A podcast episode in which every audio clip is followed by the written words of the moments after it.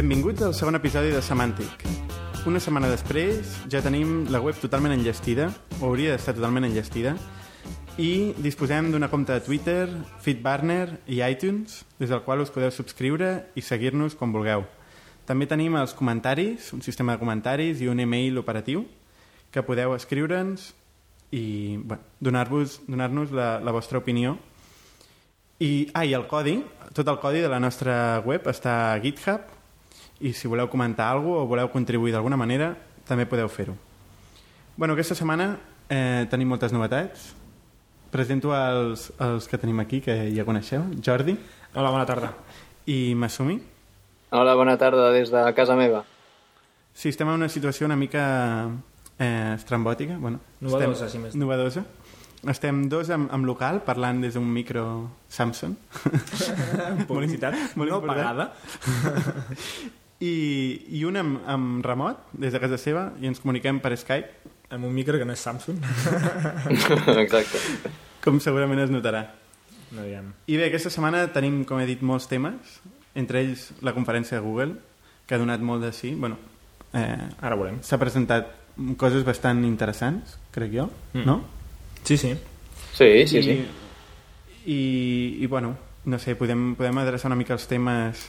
Per exemple, el, el, el Google Storage for Developers, tu això ho has seguit? O? Sí, eh, Google Storage for Developers, eh, per qui no tingui ni idea de què va, és com Amazon S3 que per si algú tampoc té ni idea de què és, és un servei d'allotjament de fitxers a, a, on the cloud, al núvol, que significa que Amazon, amb la seva infraestructura, això estic parlant d'Amazon S3, eh, emmagatzema tots els fitxers i per un preu per transferència i per, i per allotjament doncs pots transferir-los per fer-los servir per allotjar per una web o, o per fer còpies de seguretat personals, etc. Doncs aquest servei d'Amazon ja fa anys que existeix, Google des de fa una setmana ha tret aquest nou sistema que es diu Google Storage for Developers. Per ara només està disponible als Estats Units cosa que ja ha fet que nosaltres no puguem provar-lo plenament com, com els nostres companys d'allà.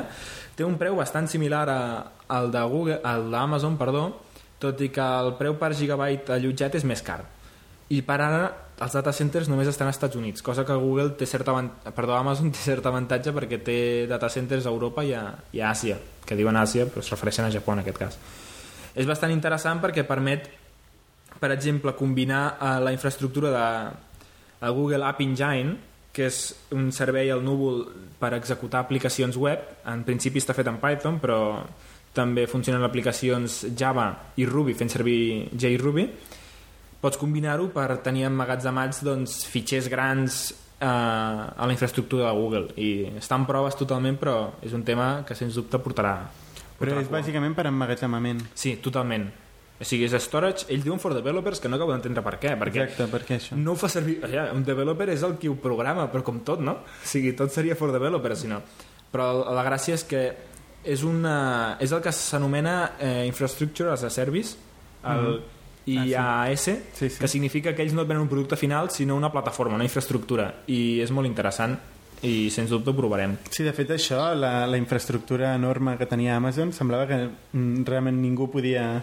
No podia sorgir res que pogués competir amb Amazon, però clar, Ah, Està Google... si algú podia era Google. Era Google, És evident que exactament. amb I servidors... segur que començaran a escampar servidors també per Europa, Àsia, etc. no? Home, tant de bo, perquè nosaltres, abans ho comentàvem amb el Bernat, estem sempre a 100 milisegons de ping més lluny que, que tota la gent dels Estats Units. O sigui, qualsevol cosa que nosaltres fem amb un servei centralitzat dels Estats Units, estem pagant un peatge de 100 milisegons, que això és una dècima de segon de, de ping. O sigui, tot, tot el que fem té una dècima de segon més d'endarreriment. I això vulguis que no es nota, eh? Quan comences a fer streaming on estàs rebent molts paquets, molts paquets, cada paquet d'aquests té aquest peatge. I quan comencin sí, a posar data centers a Europa ho agrairem. I això em recorda el, el tema de, del backup. Sí. O sigui, és un, un, un tema que m'interessa parlar perquè justament aquesta setmana he tingut un problema amb, el, amb, una, amb una empresa que he contractat de- d'online backup per, per gestionar els backups d'escriptori a- al cloud Sí. no? que vindria a ser el mateix, no? Bueno, vindria a ser el mateix eh, amb, amb la diferència que aquesta empresa en particular es dedica al tema del backup d'escriptoris i bueno, tu t'instal·les un programa, estic parlant d'en Mozi, una, una empresa, una subcursal de, de MC que dona un programa, te l'instal·les, hi ha programes per, per totes les plataformes, per Windows i per Mac, llavors automàticament et va detectant quins canvis s'han produït en el teu, en el teu disc dur i va pujant a les diferències. Teòricament això, és- això és la teoria, És no? un backup incremental, no? A diferència. Sí. Sí, però bueno, hauria de ser intel·ligent, de forma que gestiona molt bé el bandwidth, Com el Dropbox. Com el Dropbox hauria de ser, hauria de ser. El problema Sí, és que no exacte. és com el Dropbox. O sigui, realment, com a online backup hi ha dos grans companyies, que són Mozi i Carbonite, i bueno, jo m'ho vaig estar mirant, vaig veure que hi havia gent que deia que estava bé Mozi. Evidentment, la gent que diu que està bé Mozi eh, és perquè o no té ni idea o perquè pot deixar l'ordinador, té un ordinador d'escriptori amb una bona connexió, la pot deixar mm, permanentment només mm, fent la tasca de backup, o, o bé que té Windows, perquè realment el, el, client, de, el client de Mac OS és, és una cosa pèssima, pèssima, com he explicat al meu blog. Eh, realment mm, és molt poc intel·ligent en la gestió dels recursos, o sigui, si us plau, no us instal·leu. Què vols dir, que consumeix molt? Consumeix molt banda d'ample, però no banda d'ample només, que part, que també és important. Això t'ho permet personalitzar, o sigui, això no, encara. Però sobretot el problema que té és que no té... O sigui, va, en- va encriptant, perquè encripta en local la, Això és la, molt costós. Clar, exacte. Encripta en local les, les dades amb un algoritme que teòricament és bastant potent, això sí, però no va fent-ho incrementalment, no agafa paquets petits i després els va enviant a mesura... O sigui, no, no es coordina amb el, Sí, amb sí. el banda d'ample. Ho intenta, ho intenta encriptar tot. Llavors, si tens poc espai, doncs t'ho emplena tot. I doncs, t'omple l'espai de memòria d'intercanvi, t'omple la memòria virtual, la memòria temporal, tot. Això és I- fatal, no pots fer res, llavors. No, no, t'ho bloqueja tot. Llavors, per això he escrit al meu, al, al meu blog Don't use Mozi. Ja, a, a més, has tingut problemes amb l'atenció, no? O sigui, amb l'atenció al client, t'has adreçat Ah, sí, a ells i Sí, sí, a més vaig demanar, al cap d'una setmana vaig demanar que volia el refund, el, el, bueno, el, que tornessin els Que diners. tornessin els sí, diners. que em tornessin els diners i, i no em van contestar. Em van contestar que em desactivés la compte, però quan vaig tornar a insistir en el tema del, del que em tornessin els diners, no em van respondre. Van fer suecos. Sí, exactament. Però Doncs- bueno, tornem al tema que estàvem... seguint amb el tema de backups, eh, la veritat és que jo faig servir Amazon S3 per fer backups de servidors dedicats amb... de veritat és que va molt bé, és molt barat pago unes factures que la més gran que he pagat són 4 euros al mes però acostumo a pagar entre un euro i mig i 3 la veritat és que la velocitat és molt ràpida. Clar, això és- això és lo- funciona molt bé i a més els servidors que tinc als Estats Units els copio en un data center que està als Estats Units i el que tinc a Europa el copio en un data center que està a Europa i això es nota molt a la velocitat de transferència i, i la veritat és que a l'escriptori també ho faig servir i, I el tema del backup te'l gestiones tu, fas un... bueno, et fas en aquest cas, clar, jo em vaig fer un script que Clar. feia la còpia, però hi ha clients d'escriptori que, que funcionen amb Amazon S3 i Ah, està sí? molt bé. passa és que Amazon S3 està, està pensat per programadors, vull dir, la manera de registrar-s'hi Ja, ja, ja. és una mica complexa. Parlen de claus privades i coses Clar, per d'aquestes. un usuari final... per un usuari final és una mica complicat. Hi ha gent que es dedica a fer això, precisament, a fer la capa intermitja. I, i hi ha alguns serveis online que, que De són middleware, això. no? Exacte. Mhm. Fan, fan servir la infraestructura d'Amazon i ells t'ho fan fàcil perquè et facis la còpia del teu, del teu escriptori. Ja. Jo encara faig les, les còpies, encara les faig en local. Em vaig comprar un disc dur d'un terabyte i com que tampoc mm, tinc molta informació a guardar, doncs tinc, tinc tres ordinadors i els tres fan les còpies allà. I faig servir el Time Machine, que realment és, És- de les coses sí, més còmodes que he fet servir mai. És brutal. Sí, el problema és el, el que et deia en el blog, no? Que realment si, si el problema que pots tenir en l'ordinador que et pugui caure alguna cosa sobre, et pugui caure a terra, també et pot passar O amb que el te'l disc vinguin dur, a robar, que li va o que te'l vinguin a robar a casa, vull dir, t'ho roben tot, entens? El fet de tenir les coses al mateix lloc tampoc et dona cap mena...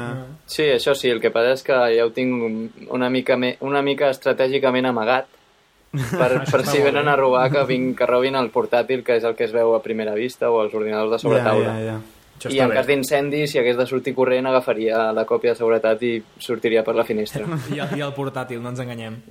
sí, la veritat és que sí. I els germans els deixaries per allà. Sí, sí, això ja és secundari. Vale, vale, vale. Bueno, Masumi, Bueno, al- altres temes, sí, sí exacte. el, el, parlant de Google i jo, han presentat el WebM. Sí, Eh, què, què ens en pots dir d'això? Eh, doncs és una, és un estàndard de vídeo que han, pro han proposat Google per, bé, com a estàndard del, del, del tag vídeo de l'HTML5, Sí. que s'estava debatint molt últimament sobre qui, quin seria, tot- cada empresa proposava el seu i no es posaven d'acord, doncs finalment sembla que Opera, Mozilla, Adobe s'han posat mitjanament d'acord amb Google també. I Google. Exacte, i Google, important. I, i doncs això, i recolzen aquest estàndard, bueno, aquest eh, còdec que està, bueno, el van comprar eh, d'una empresa pagant una milionada i l'han obert per convertir-lo en un projecte de codi obert i royalty free license. Sí. Llavors, què passa? Doncs que, òbviament, Apple, eh, que té el seu H264, doncs s'hi oposa, Bé, no és que s'hi oposi, no? No, no? no ha dit obertament que s'hi oposi, però li han preguntat a Steve Jobs què en pensava. Això, què va dir Steve Jobs? I bé, no, no va contestar directament, sinó que va contestar amb una cita a, a un post d'un enginyer de 264 que diu que WebM té unes males especificacions, unes males implementacions i, i té el perill que les companyies reclamin el format en patents que diuen que és el que va fer Microsoft amb, una, amb un estàndard que havia dit que havia de ser obert i després el van tancar, etc. Hem d'esperar que Google tingui bons advocats i solucioni el tema de les llicències, no? O sigui, que s'assegurin que després no els hi pugui sortir malament la jugada. Això que diu Apple no m'ho acabo de creure. Home, jo crec que si Google ha comprat aquest còdec i el llicencia sense, sense royalties i amb el codi open source espero que ho faci, que es preparin que no, o sigui, que Home, jo crec que el tema legal Google, sobretot des que va comprar YouTube que va ser el moment en què Google va aprendre a, a dominar les lleis perquè li van caure el perquè... màxim nombre de denúncies que, que mai li ha pogut caure a una companyia és que és molt complex aquest tema i jo crec que més o menys s'hauran estudiat el tema no? Sí. abans que... jo el que, el que m'interessa és Microsoft també o sigui, també s'ha sumat amb aquesta iniciativa o no? Microsoft, no. Microsoft a, a, a, bé, a, a través d'un portaveu ha dit que recolzarà en el seu futur navegador tant H264 com el, aquest nou el WebM però en cap moment es posiciona a, molt a favor d'un ni de l'altre, o sigui, no es vol mullar, bàsicament. No es mullen, exacte. Clar, esperen a que aviam què passa. Que es matin entre Google i Apple. De totes exacte. formes, eh, Google, eh, Mozilla i... Oh, però, bueno, Google i Mozilla sí. ja són superpotents. Un té YouTube, l'altre té Firefox. Vull dir, són molt potents en el tema vídeo a la web. Sí, de totes formes jo crec que Microsoft podria decidir bastant eh, en aquest tema perquè... Però Microsoft va molt tard amb el tema HTML5 ja, i sí, tampoc sí. té molt sentit que es posin a parlar del tema si amb prou feines pots renderitzar res d'HTML5 amb, amb les noves versions d'Internet Explorer i això que no, no se sap res vull dir, continua igual? Perquè al fin, no sé, al final com a desenvolupadors què haurem de fer? Haurem de, de, com, què haurem de fer? prohibir la gent que no, si algú Internet Explorer dir-li mira... El eh, problema no el tenim no els desenvolupadors, entrar... el tenen els, els clients han d'anar canviant de navegador, ja ho saben. Sí, però si no m'equivoco, continua sent la majoria de, de l'usuari d'internet eh, continua utilitzant Internet Explorer, no? Bueno, no sé si la majoria d'usuaris o és el navegador que té més, però jo crec que la majoria d'usuaris són els, tota la resta. Però tot i així, Internet Explorer individualment és el que més clar, fa servir. Però això va canviant, vull dir, clar, la gent entra a portals web 2.0 d'aquests eh, relativament complexes i hi ha moltes que no funcionen bé amb Internet Explorer ja. No tenen més remei sí. que anar-se canviant. Però eh, també... Alternativa... I ja, a vegades passa al revés. L'altre dia instal·lava un antivirus d'aquest aquest antivirus de Telefònica en un Windows i uh.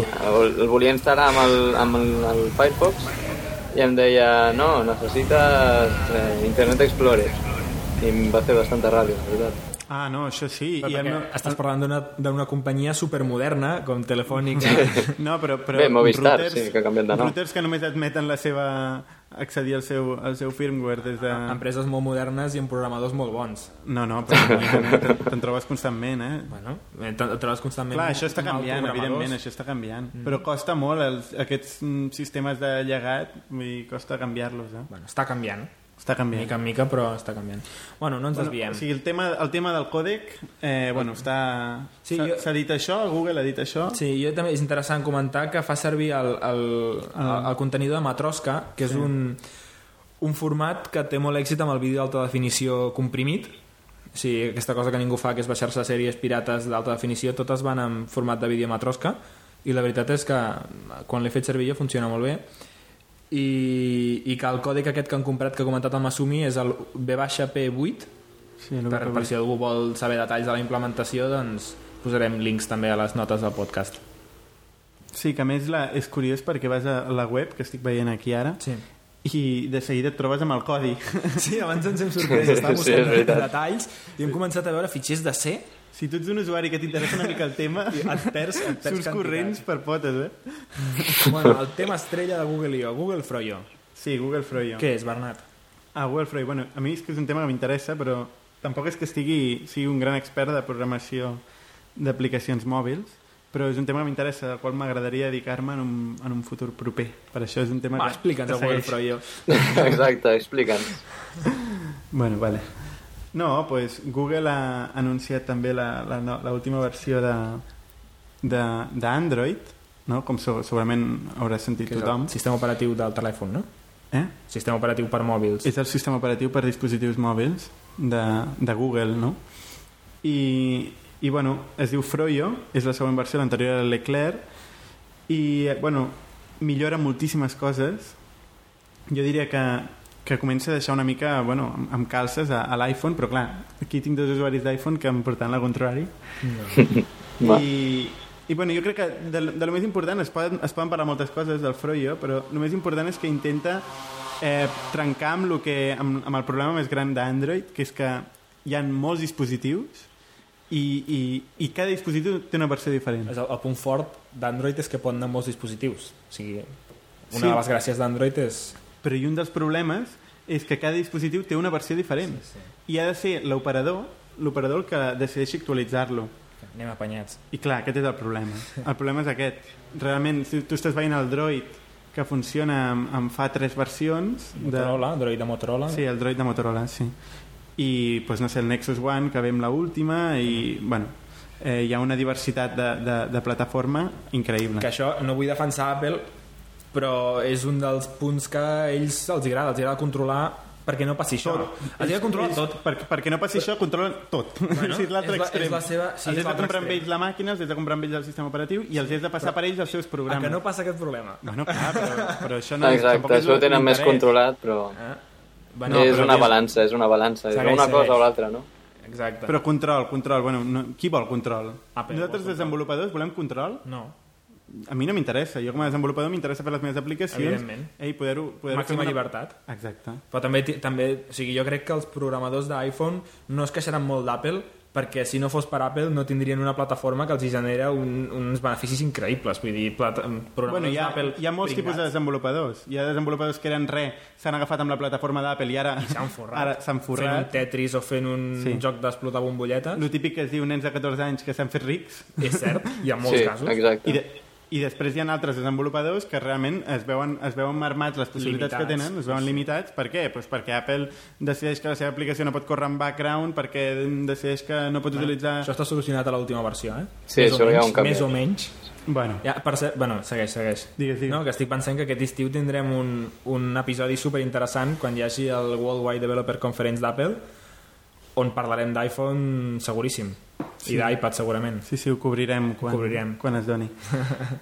I, bueno, aviam, continu... bueno, llavors, que, per, què dic, per què dic que això que acaben amb aquest problema de la fragmentació? Bueno, bàsicament perquè les parts més cores de, de, de, d'Android es treuen de, del propi sistema. Es treuen del propi sistema operatiu i es, fen, es fan com si fossin apps que estaran al market d'Android. es fa modular Sí, es fa molt més modular. I això què passa? Pues que realment la versió d'Android tu la pots actualitzar fàcilment i després, particularment, pots actualitzar les diferents apps, poden anar traient versions i, i tal. pots escollir quina vols si ets un fabricant o un altre, no? Suposo, Exacte. La, idea. Exacte. I a més han fet un sistema d'auto-update que tu pots, pots configurar-ho perquè automàticament se, se t'actualitzi com ara el Chrome i no t'hagis de preocupar per res, no? No, exacte, sí, està bé això. Sí, com dèiem la setmana passada amb el Masumi. Sí. Què més, què més? I bueno, el navegador. El navegador demostradíssimament el més ràpid del món serà. Vull dir, és increïble. Els benchmarks deixen, deixen per terra la resta dels navegadors. Està basat amb el, amb el motor de, de JavaScript de, V8. de, de Chrome, Sí. sí, a l'V8. És l'hòstia. I, I, bueno, es veu que bueno, realment serà el gran què de, de, del Froyo, no? Acabes de, dient això de V8, eh, ja adelantem un tema per un proper episodi, parlarem de Node JavaScript, que és eh, un nou sistema de crear aplicacions de servidor amb JavaScript. Aprofitant, és tan potent el motor de V8 de JavaScript, que està pensat per clients, que s'ha fet una nova plataforma, un framework de fer aplicacions servidor amb JavaScript. I és molt interessant i apuntem per un Ah, proper sí? episodi parlar del Mm. tema. Ostres, això és bastant... Ni- Anirem més, més tècnics, però és que crec que és molt interessant i és realment tema de 2010, molt modern. Uh En parlarem. Però és, és per mostrar lo potent que és V8, que fins i tot serveix per fer servidors. Pues sí, eh? Sí, sí. Home, això seria curiós, almenys. Bueno, després també està el tema sobre el Froyo. Eh, està el tema del, del hotspot, que això és, també ha portat bastanta polèmica, perquè és que tu pots configurar el, el teu dispositiu mòbil per convertir-se en un router wifi. No? I això, tens un, tens un iPad, tens un, tens un portàtil a qualsevol lloc, estàs al cotxe, estàs on vulguis, allò ho, ho configures com a, com a hotspot per wifi o bé per USB i allò passa a ser un router. És com el, el tethering. El tethering, amb- sí, l'iPhone. de l'iPhone. Això a les, perdó, les operadores els hi ha de fer una il·lusió tremenda, Sí, no? exacte. Estan Sí. una... Buf. Però clar, això Sí. sí. del hotspot aquest d'Android llavors permetria co- connectar-se amb més... Que, un, que més d'un dispositiu els connectés a través del telèfon aquest? Sí, sí, sí, I, tants com I vulguis. això no ho limitaran les operadores? Sí, ah, de perquè fet això és el que està apareixent. Però Però és que a és més, un- això als Estats Units hi ha, hi ha operadores amb un banda d'ample bastant, bastant potent, com per exemple Verizon o per sí. exemple... I, i, i clar, allà doncs, encara es podria arribar a considerar la possibilitat de, de permetre-ho, però és que aquí a Espanya, per exemple, només falta que, Però, que es permeti això. parles dels Estats Units i d'Espanya. Als Estats Units, amb l'iPhone, el tethering Sí. no està permès. Perquè a I a Espanya sí. Sí, a Espanya és gratuït. és veritat, el això. Masum i jo ho fem servir. Perquè suposo que no s'ha arribat encara a les limitacions. És que als Estats Units la quantitat de- d'usuaris amb iPhone Pot és ser, increïble clar, i clar. totes passen per Se'ls AT&T. se hi desmuntaria bastant més el negoci. Exacte. Aquí els iPhones són minoria. encara. Està molt limitat allà perquè hi ha molts problemes de banda d'ample amb l'iPhone. Sí, hi ha altres companyies que Però això és és el que no, la, gent està, la gent està deixant l'iPhone als Estats Units no per característiques, està deixant-ho per, per, banda d'ample, Per l'operadora. per l'operadora, per perquè tothom, que és. tothom està fins als collons La cobertura d'AT&T. 3G és molt dolenta pel que he sentit. Exacte. Però realment això del tethering i això que deies del hotspot és realment còmode. Jo, per exemple, ara venia de Sitges preparant, el, preparant aquest podcast amb, connectat amb l'iPhone que el tenia a la butxaca i que a més també tenia eh, encesa l'aplicació per detectar els radars per, per si superava certes Això no, velocitats. això no ho expliquis, això no ho expliquis. Però eh, és, és, és cert, la gent... És que realment és curiós, eh? El Masumi estava en cotxe i nosaltres estàvem parlant per Skype i escrivint en el wiki els temes de, de l'episodi. Vull dir, realment estem a l'última. Sí, sí. Bueno, altres temes són l'storage extern, que pots instal·lar programes amb un SD, per exemple, no cal que els instal·lis al mòbil. Per exemple, pots jugar amb jocs que tens amb un SD, el fiques i jugues. I després el treus i ja està. I això també està bé, te- et dona més la idea com si fos una, un, un PC, no? Al final, el mòbil. O una consola. O una consola, exactament. Sí. Eh, després, també, bueno, el Flash, el Flash 10.1, va fer un comentari, el tio també, Qui és el tio? el, el, el que va presentar, no me'n Ah, recordo ara com es diu, no me'n recordo el seu nom. No, no, Però- sí, sí, el, el de Google. el de Google, eh, eh, bastant crac aquest home, eh? Vull dir, en sabia, en sabia el seu. Així com després, en el següent, la següent conferència que va ser a Google TV, que ja parlarem, va haver, va haver bastants problemes, però en aquesta vull dir, va sortir tot increïble. I bueno, el, tio, el tio va parlar d'Adobe i va dir que a ells Google li interessa ajuntar tot, ser inclusius, no exclusius, que Aquí el que estan fent és punyalades a Apple. Eh? punyalades, dir, però a base de bé, a base Em de bé. bé el que diguin, però I l'únic a que més estan feien, fent és... feien bromes, com treien un iPad, diu, mira, ara em connectarem a l'iPad gràcies a l'Android, no sé què. Home, això està molt bé, poca conya, això està de puta Sí, mare. sí, sí, el que passa és que l'operadora arribarà i dirà, pues no. Sí, no, sí, de fet el que passarà és que estan començant a limitar ja això. Sí, sí. Que est- està molt bé el que, el que ofereix l'arquitectura, però després, clar... Sempre eh, passa igual, la tecnologia va davant de la societat, no? Sí, sí, sí. I altres coses, eh, bueno, els benchmarks, els benchmarks eh, mostren que són molt més ràpids, tenen una, una nova unitat de processament gràfic que fa que sigui molt més ràpid. Eh, què més? Bueno, l'API té un... L'API que és la interfície perquè els programadors interactuïn amb la plataforma, no? Sí, sí, sí. Eh, pues la- l'han renovat completament, bueno... Jo aquesta part, coses. aquesta part de la conferència no la vaig veure. Eh, van fer servir el sistema operatiu aquest en algun terminal ja? O sigui, es podia veure com ho feien servir o només Sí, en clar. parlaven? O sigui, Sí, van sí, fer demo, tenien- van fer demo... Nexus One. no? Tenien, tenien diversos Nexus Ones allà i tenien Ah, instal·lats els diferents, tenien diferents Androids i anaven comparant i a l'últim tenien el Froyo. Ah, I vale. sí, sí, sí. I Bueno. ho, van demostrar, ho van demostrar en directe. I la dada més important de Froyo és que significa frozen yogurt, o sigui, iogurt helado. Sí, tot el, tot el, tot els, an- tots els Androids tenen noms de, tenen noms de, de, de postres, per alguna raó X que que, no, que em no feia comprenc. gràcia, jo vaig llegir Froyo i se'm feia raro. Sí, I clar, sí, sobte tot- ho vaig pronunciar en anglès Froyo. No, i a més- I dius, hòstia, és iogurt helado, que cutre. I a més s'ha filtrat, s'ha filtrat el següent... El següent Brownie. No, no, pues sí, gingerbread. Ui! Gingerbread és un altre postres. O sigui, Apple fot panteres pels sistemes operatius, Sí, no sé, no, no, no li acabo de trobar sentit als noms aquests que fica. És, és difícil posar noms als productes, eh? Vull dir, cadascú té les seves històries i jo Sí, m'hi he trobat, fet- eh? de fet, hem no, trobat, No nosaltres comentarem el tema, però és complicat. Sí, cada vegada que hem tingut una iniciativa de crear alguna cosa, el nom ha sigut de lo més complicat. Sort que aquest podcast té un nom estupendo. Exacte. Sí. Bueno, avancem... I, bueno, ah, bueno, una, una cosa curiosa que, tinc, que em vaig apuntar aquí és que va sortir immediatament el Froyo per... O sigui, encara que no s'ha publicat oficialment, ha sortit una versió pirata que està circulant, la gent se l'instal·la als seus Nexus One. Però encara més, encara més graciós és l'Android que s'instal·la en el- en el- en l'if- en l'iPhone, no? En el- l'iPhone 3GS. No sé si ho has sentit tu, Masumi? Sí, sí, ho he sentit i fins i tot he vist que també en el 3G i en algun iPod havien posat el- l'Android. Està bé. Sí, bueno, és el que, el que sí, comento. Sí, sí. No, no, bueno, el 3GS, el 3G i el iPod. Ah, sí, sí, sí. Sí, sí, o sigui, a totes les plataformes iPhone OS sí, sí. hi han posat l'Android. I què més? La conferència que és... Ah, vas sentir tu de Google, Google TV? M'assumi que vaig veure cap al Twitter i tal, ficaves, ficaves sí, jo, coses? sí, l'està- m- estava més o menys seguint-ho sense so perquè no podia, no, ten, no duia cascos i no ho vaig poder veure, però, però sí, vaig veure que va- van presentar el, el Google TV, que estan treballant conjuntament amb Sony i Intel per dur a terme aquest, aquest projecte, que el que vol és apropar internet a la televisió, no? Perquè Sí. hi ha moltes coses que, que diuen que sempre hi ha una família al voltant d'un portàtil i anem ensenyant un vídeo de YouTube És el que i amb, i amb la pantalla aquesta tan petita tenint la tele de 40 polzades al costat, que no la poden fer servir. Això és Doncs- un clàssic a tots els sopars. Exacte, sí. A- Acabar davant d'un ordinador mirant al YouTube. Sí, sí, sí, és lo típic.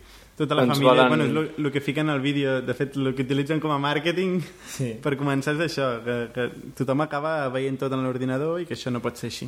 Digues, digues. Doncs Digues, Masumi, perdona. Eh, doncs, eh, bé, doncs Google proporcionarà el sistema operatiu que està basat en l'Android, precisament, eh, Intel el processador i Sony la televisió.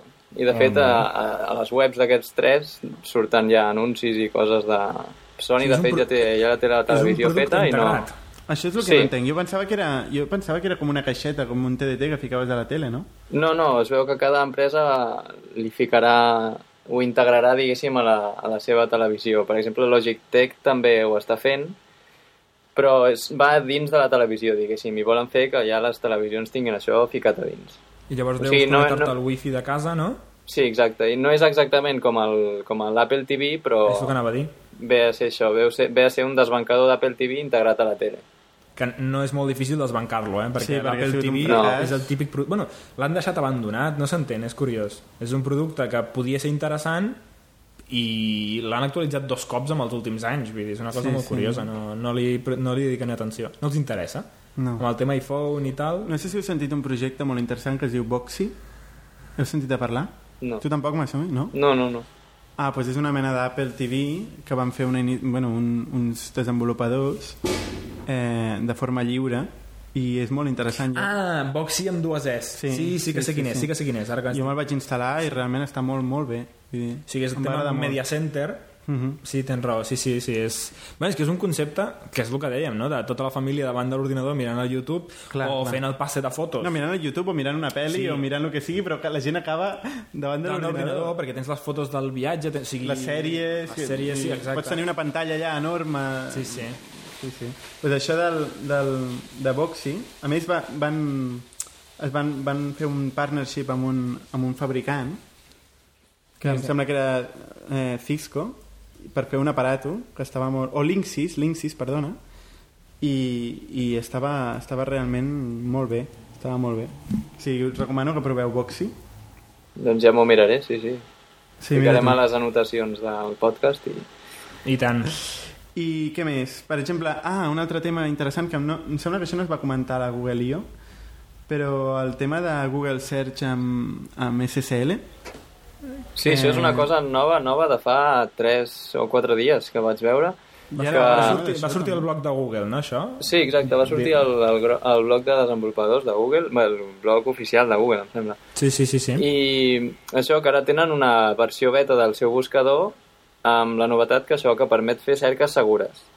però bé, igual que el Gmail també permet accedir amb una connexió segura. Però què implica la, la combinació de l'SSL aquest amb les cerques?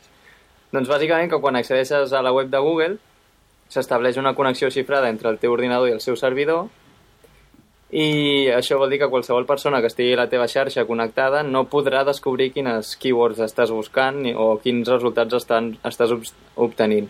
Però clar, això no vol dir que Google no sàpiga el que estàs no, buscant. evidentment. Home, això això ja ho, però això ja ho diuen en el, Bueno, se, s'ha en de el dir, seu perquè la post. gent en, se'n cerca segura i diuen, hombre, fantàstic, això és 100% privat. No, clar, Clar, perquè de- a la part gent Google també pot ofereix la possibilitat de la navegació anònima, perquè per defecte, si no, t'està emmagatzemant totes les teves cerques, tot, amb el teu perfil.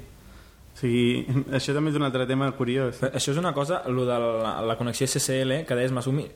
O sigui, és, evidentment, la gent que tens a la xarxa no ho pot veure, però no només la gent que tens a la xarxa, sinó tots els routers Exacte, quals per on- per on passes. viatges des Exacte. del servidor de Google fins a casa teva, o sigui, Telefònica, AT&T o el xino de turno que s'ha enxufat a una xarxa d'aquestes que creuen l'Atlàntic i està monitorejant tràfic, tot això viatja pla si no hi ha una connexió SSL, que és el web aquest que surt als navegadors. Sí, Exacte. exacte. I Google, no, si no recordo malament, ara no me'n recordo, eh, però em sembla que tenia entre un 5% o un 10% de tota la navegació mundial. És brutal. És a dir, vull dir, en poca broma, era algo important el, el tema de fer la, les cerques amb SSL. Sí.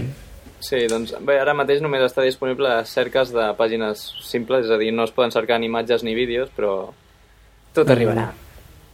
Home, és curiós que hagin trigat tant, no?, per això. Sí, és, és molt Perquè- estrany, no sé. Bueno, el SSL deu anar per aquí. En l'esteix bast... eh, fa que sigui bastant més lenta la comunicació, perquè cada cosa que fas avança d'encriptar el paquet. I Sí, això ho diuen, ho han els anunciat en el d'encriptació són, són bastant punyeteros per l'ordinador, i un ordinador que no sigui modern li pot costar una miqueta.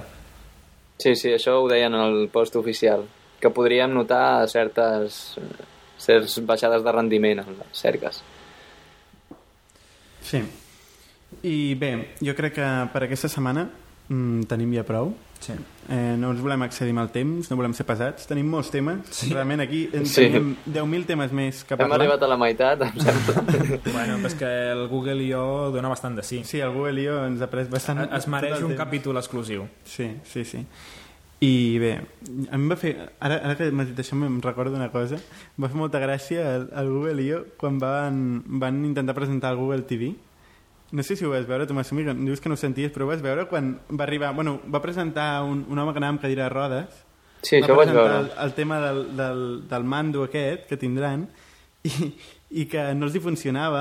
Van començar a demanar a la gent que, que apagués els seus mòbils perquè hi havia interferències. Va ser ridícul més espantós Bueno, que he vist a la meva vida. O sigui, ho vaig passa passar a malament tot, jo des de ja. casa. doncs no, no vaig veure això. És com quan veus a l'Steve Jobs que se li penja a l'iTunes o al Bill Gates amb un pantallasso blau, blau de la muerte, no? Sí, sí. Això era quasi pitjor, perquè van portar dos teles diferents. Van canviar el mando dues vegades. Hòstia, en directe, eh? En directe, era... Bueno, ser- això passa sempre, eh? És l'efecte demo, sí. Sí, sí, És l'efecte demo. Jo, quan amb clients m'ha passat sempre, hòstia, això ha funcionat sempre i ara no havia de funcionar. Sí, sí, sí. És molt fort. I bé, com deia, ho deixem aquí. Ens veiem la setmana que ve. Ens sentim la setmana que ve. I això, mm, doneu-nos tant de feedback i tanta informació com pugueu, perquè estem en una fase inicial i ens interessa tot el que ens podeu oferir. Envieu-nos un e-mail a podcast arroba semantic.cat feu comentaris a la nostra pàgina semantic.cat en el Twitter twitter.com barra semanticpodcast o, o ja està Prou. Sí. N'hi ha prou. Sí, si no en teniu prou amb això és que realment hi ha un problema aquí eh? I bé, la setmana que ens ve veiem la setmana que ve.